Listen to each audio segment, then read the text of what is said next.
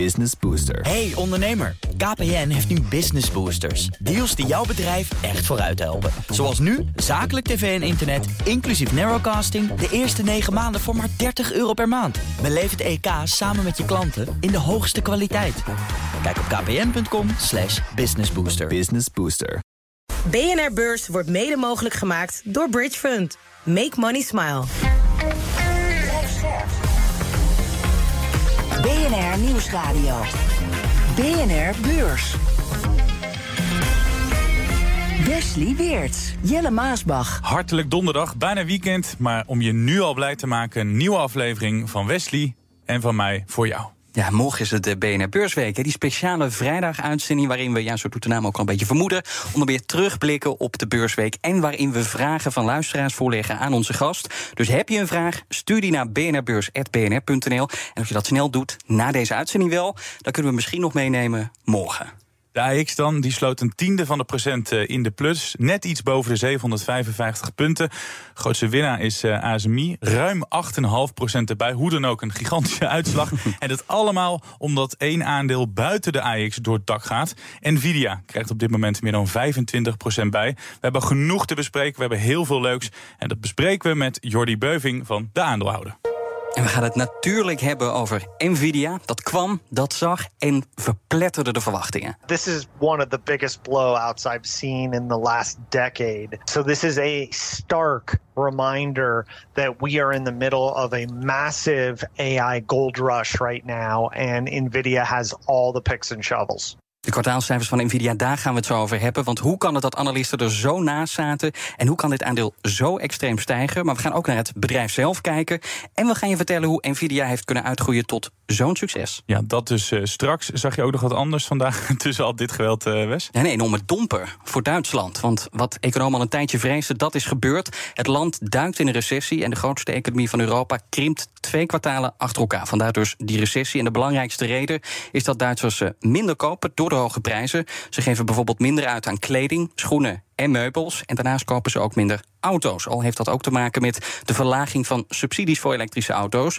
Hoe dan ook, het zorgt er in ieder geval voor dat de Duitse economie in de eerste maanden van dit jaar met 0,3 procent komt. We blijven even in het minder leuke economische nieuws. Want er is een waarschuwing van kredietbeoordelaar Fitch. Zij zeggen dat de Verenigde Staten hun AAA-rating gaan verliezen. als ze er niet in slagen om voor 1 juni het schuldenplafond te verhogen. Nou, gisteren hebben we het er al uitgebreid over gehad, over het schuldenplafond. Mocht je het niet gehoord hebben, zoek hem vooral op. Oké, terug naar die waarschuwing. Fitch zet de rating van de VS op Rating Watch Negative. En dat betekent dus dat hij op korte termijn naar beneden kan. Yes, dat klopt. Fitch denkt overigens wel dat ze eruit gaan komen. Dus dat die Democraten en die Republikeinen het op een akkoordje gooien. De risico's zijn te groot om er niet uit te komen, zeggen ze.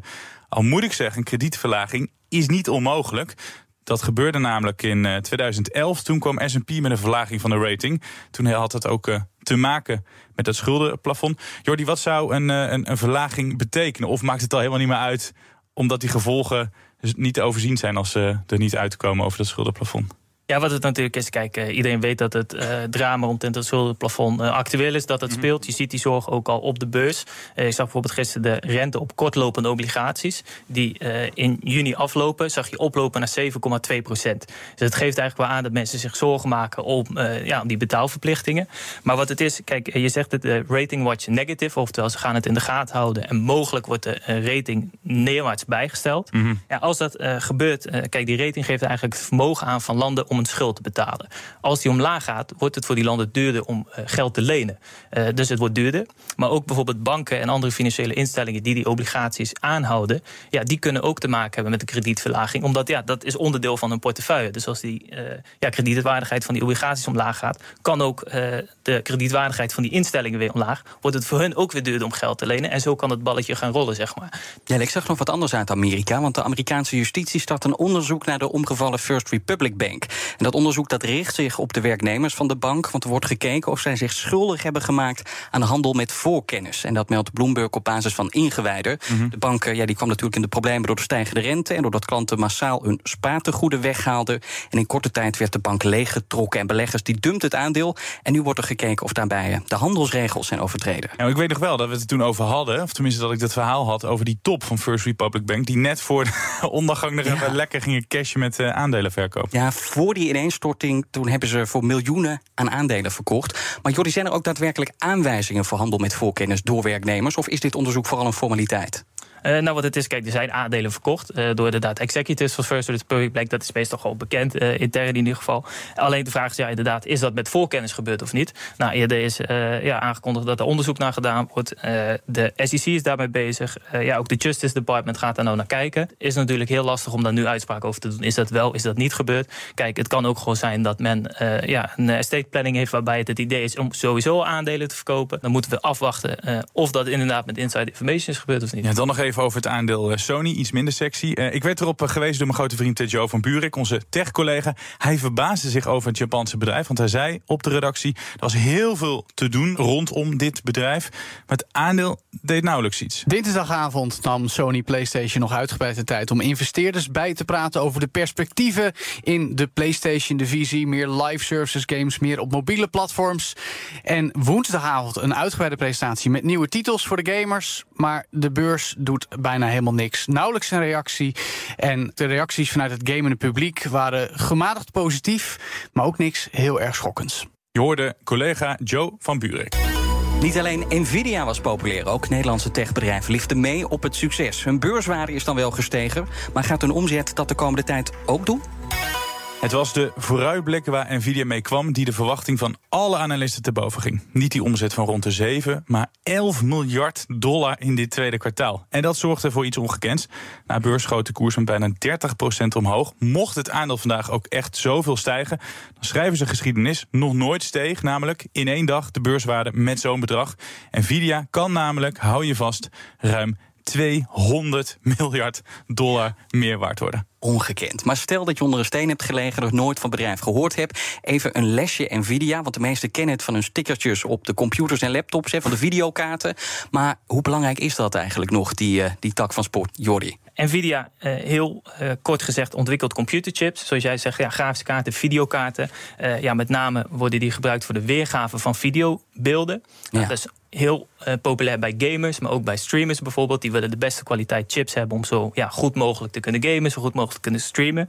Uh, maar die chips die zijn ook heel geschikt voor toepassing in datacenters. En daar zit nou natuurlijk de fantasie met AI. Uh, eh, want heel simpel gezegd, die chips die leveren de rekenkracht om al die data te kunnen verwerken. nou, Nvidia verkoopt dus systemen en software die daarvoor gebruikt worden. Mm -hmm. En ja, ze richten zich ook op automotive. Ze hebben bijvoorbeeld een deal met BMW, een deal met BYD, Chinese autofabrikant, om ook daar allerlei AI-toepassingen uh, ja, en de zelfrijdende auto, uh, et cetera, ja, om die daar van, van te voorzien. Maar nou zijn ze begin jaren 90 opgericht. Toen was AI in ieder geval nog niet zo'n hype als nu. Maar hoe is het bedrijf uitgegroeid tot AI-koning? Ja, dit is natuurlijk wel heel interessant.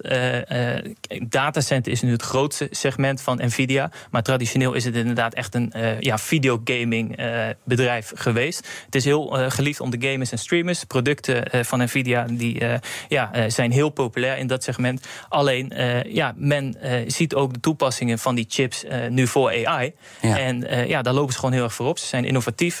productaanbod is ja, goed. technische specificaties zijn beter dan die van veel concurrenten.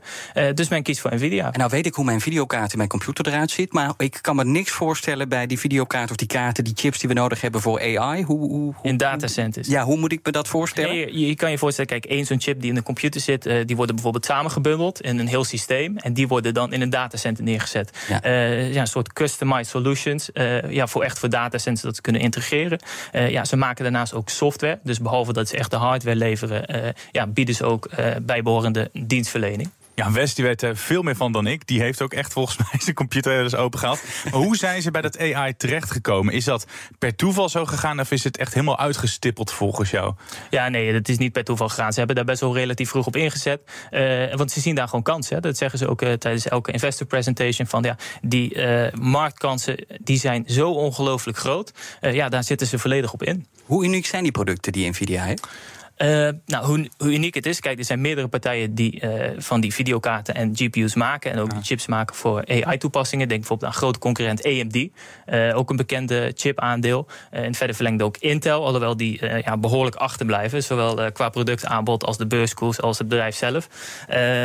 maar ja, producten van Nvidia, zegt ze zelf ook, zijn meer energie efficiënt, uh, zijn beter. Total cost of ownership is lager. Ja, dus een heleboel partijen en consumenten kiezen daar voor Nvidia. Even terug uh, naar die kwartaalcijfers. Ik begon er bijna van te hakkelen net, Jordi, die zo uh, bizar waren ze. Ze waren niet gewoon beter dan verwacht. Ja, ongelooflijk, gigantisch. Hoe kan dat? Kijk, Microsoft is met ChatGPT gekomen. als eerste van de grote techbedrijven. Dat eerst mensen echt ja, hebben gezien van... oh, dit is mogelijk met AI. Nou, al die andere techbedrijven, denk aan Alphabet... maar denk ook aan het Chinese Baidu, Tencent... die moesten dan eigenlijk best wel paniekerig ook met iets komen. Uh, want je kan niet uh, Microsoft zijn gang laten gaan en zelf niks doen als techbedrijf. Dan heb je een enorme achterstand. En omdat al die bedrijven nou AI gaan implementeren in een productaanbod, in hun diensten, uh, ja, heb je gewoon de producten van Nvidia nodig. Heb je datacenters nodig, heb je die cloud-diensten nodig. Ja. En je ziet nou eigenlijk gewoon een hele versnelde vraag naar al die uh, producten. En wat eigenlijk de verrassing is, is dat het zo snel al zichtbaar is. Ja. Dat is de grote verrassing. En ik moet even boetekleed aantrekken, want ik heb Wesley wel eens uh, vervloekt dat hij het weer over AI wou hebben. Maar bewijst Nvidia dat AI wel echt meer dan een hype is? Dus dat Wes gelijk heeft gekregen? Zeg maar ja.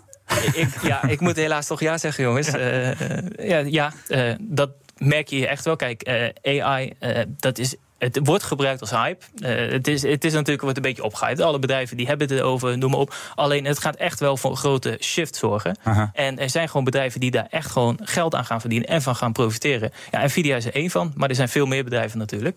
En toch, ik moet wel zeggen, en niet om zuur te zijn, maar het gaat hier om een outlook. Hè? Dus ja. uh, er werd vanuit gegaan van 7,2 miljard aan omzet. Dat wordt volgens Nvidia zelf 11 miljard. Ze moeten die verwachtingen nog wel even gaan nou waarmaken. het gaat om het tweede kwartaal, dus het uh, huidige kwartaal. inderdaad, analisten rekenen op 7,2 miljard aan omzet gemiddeld. Nvidia ja. zegt nou 11 miljard, uh, plus minus 2 procent. Nou, dat is echt een behoorlijk verschil. Ja, Alleen een deel van dat kwartaal is natuurlijk al gewoon voorbij. Dus dat weet Nvidia al hoeveel ongeveer. Kunnen ze best wel een accurate inschatting van maken. Hoeveel omzet hebben ze al behaald.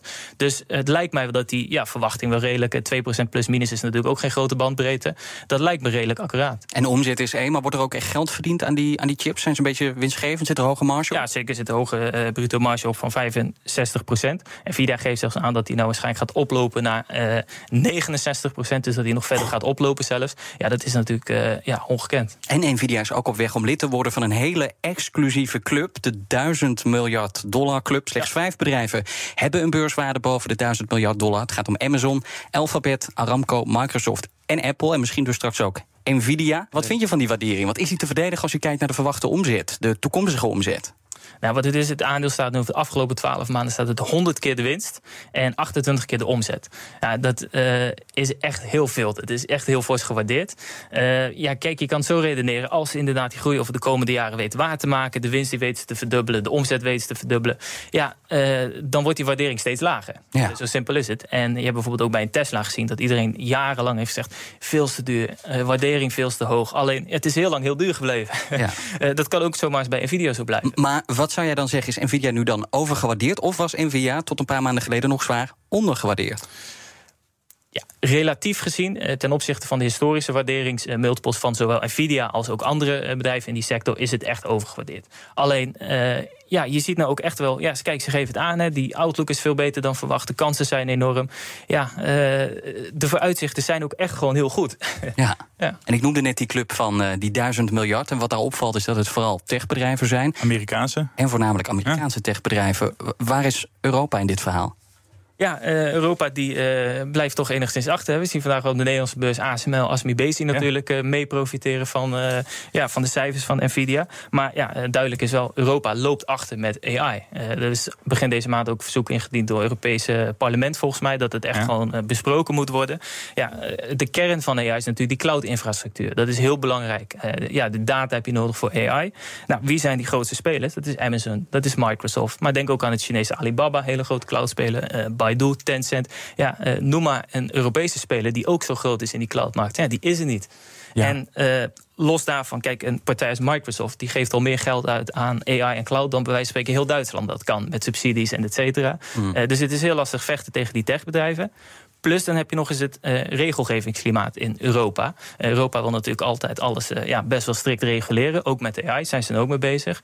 niet dat andere landen dat niet doen. Want China heeft bijvoorbeeld ook al een AI-wet doorgevoerd. Maar ook dat speelt voor de bedrijven een rol. Van ja, waar ga je vestigen? Waar ga je aan de slag? En ja, regelgeving is ook wel belangrijk. Je haalde net de ASML aan. Hè? Dat was een van die bedrijven die het supergoed deed vandaag op de AX. En die komt die chauvinist bij mij weer naar boven. Want ik zat CNBC vandaag te kijken. En toen werd ASML even bejubeld. This company uh, in the Netherlands makes uh, this very, very expensive machine required to make the most advanced chips on the planet. These machines are purchased by the likes of TSMC, by Samsung, in order to manufacture the type of chips that NVIDIA needs uh, and is selling on the market, these GPUs as well. Die gingen echt door het dak. Snap je dat? Hoe, hoe gaan die, ik kan het beter zo stellen, hoe gaan die profiteren van het succes van Nvidia? Ja, ja eh, ik snap de koersstijging zeker. Uh, kijk, het is zo. Nvidia is een fabless uh, chipbedrijf. Ze hebben zelf geen fabrieken.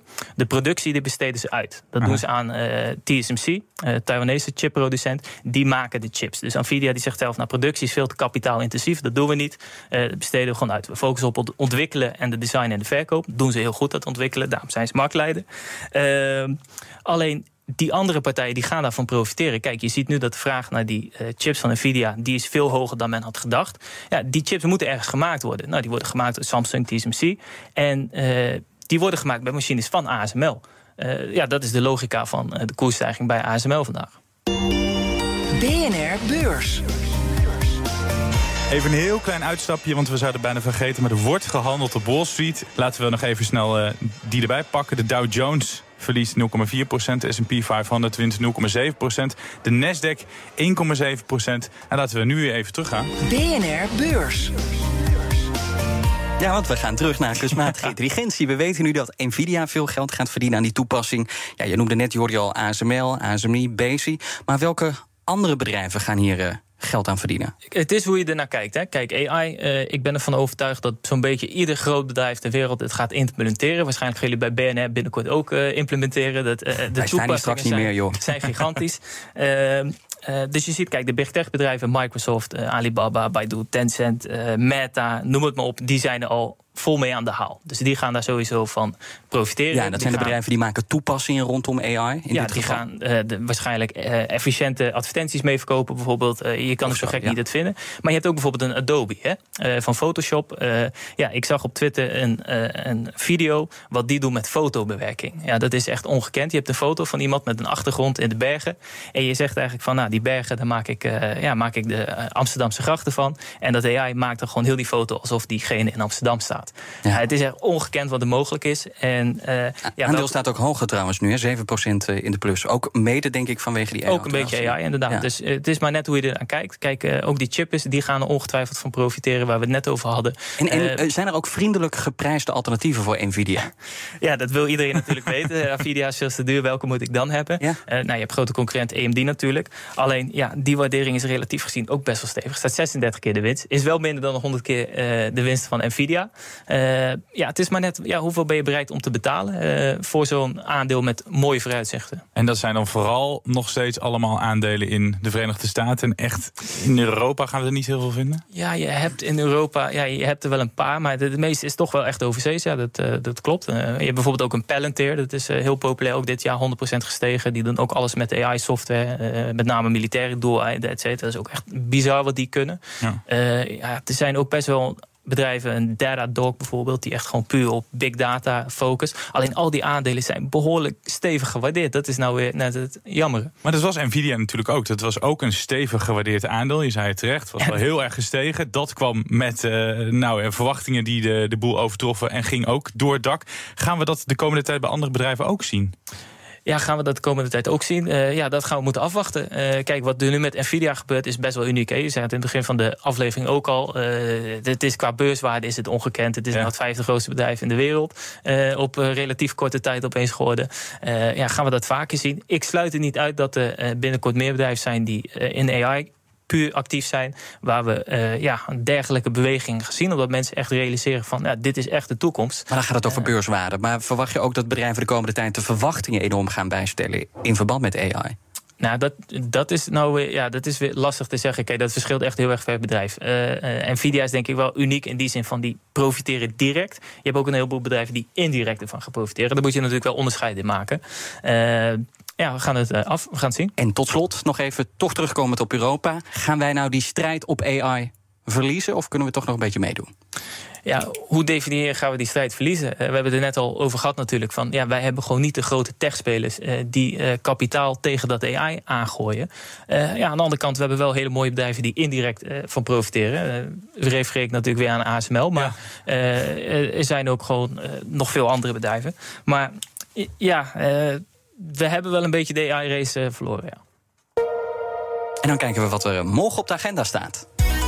Weer een aandeelhoudersvergadering en weer protesten. En deze keer is Total Energies de pineut. Dat kan honderden klimaatactivisten verwachten op de vergadering. En ze zijn, net als de demonstranten bij Shell eerder deze week, ontevreden over de klimaatplannen van het bedrijf. Tot slot nog iets voor de voetbalfan. Het beursgenoteerde Ajax houdt namelijk een buitengewone aandeelhoudersvergadering. En op de agenda staat de benoeming van een nieuwe commissaris, Jan van Halst. Dit was een bijna wel bijzonder, Wes. Want we hebben volgens mij nog nooit eerder een aflevering helemaal in het eh, teken gesteld van één bedrijf. Ja, toen de banken natuurlijk die banken enorm slecht lagen. Dat was uh, vanwege minder leuk nieuws. Nu ja, is het een keer van even goed, nieuws. nieuws ja. Dus niemand kan ons meer betichten van dat we alleen maar met slecht nieuws uh, bezig zijn.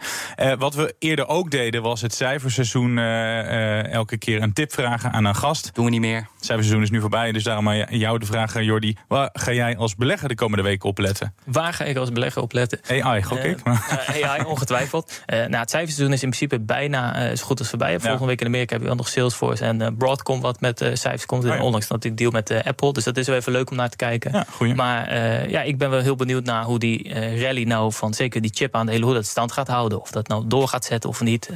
ja, of dat dat toch weer terugzakt. dit is allemaal wel. ik ben nog niet zo zeker hoe dat gaat eindigen. Dus daar ga ik met name op letten. Dankjewel, Jordi Beuving van de aandeelhouder. Het was je eerste keer hier. Ja, jongens, ik vond het heel leuk. En, Wij ook met jou. Ja, hartelijk bedankt voor de uitnodiging. tot de volgende. Yes, tot, tot snel. Ja, tot morgen. Dan zeggen wij tot morgen. Ja, als we er morgen nog zijn. Als we niet vervangen zijn door AI. tot morgen. Tot morgen. BNR Beurs wordt mede mogelijk gemaakt door Bridge Fund. Make money smile. Business Booster. Hey ondernemer, KPN heeft nu Business Boosters. Deals die jouw bedrijf echt vooruit helpen. Zoals nu, zakelijk tv en internet, inclusief narrowcasting... de eerste 9 maanden voor maar 30 euro per maand. Beleef het EK samen met je klanten in de hoogste kwaliteit. Kijk op kpn.com businessbooster. Business Booster.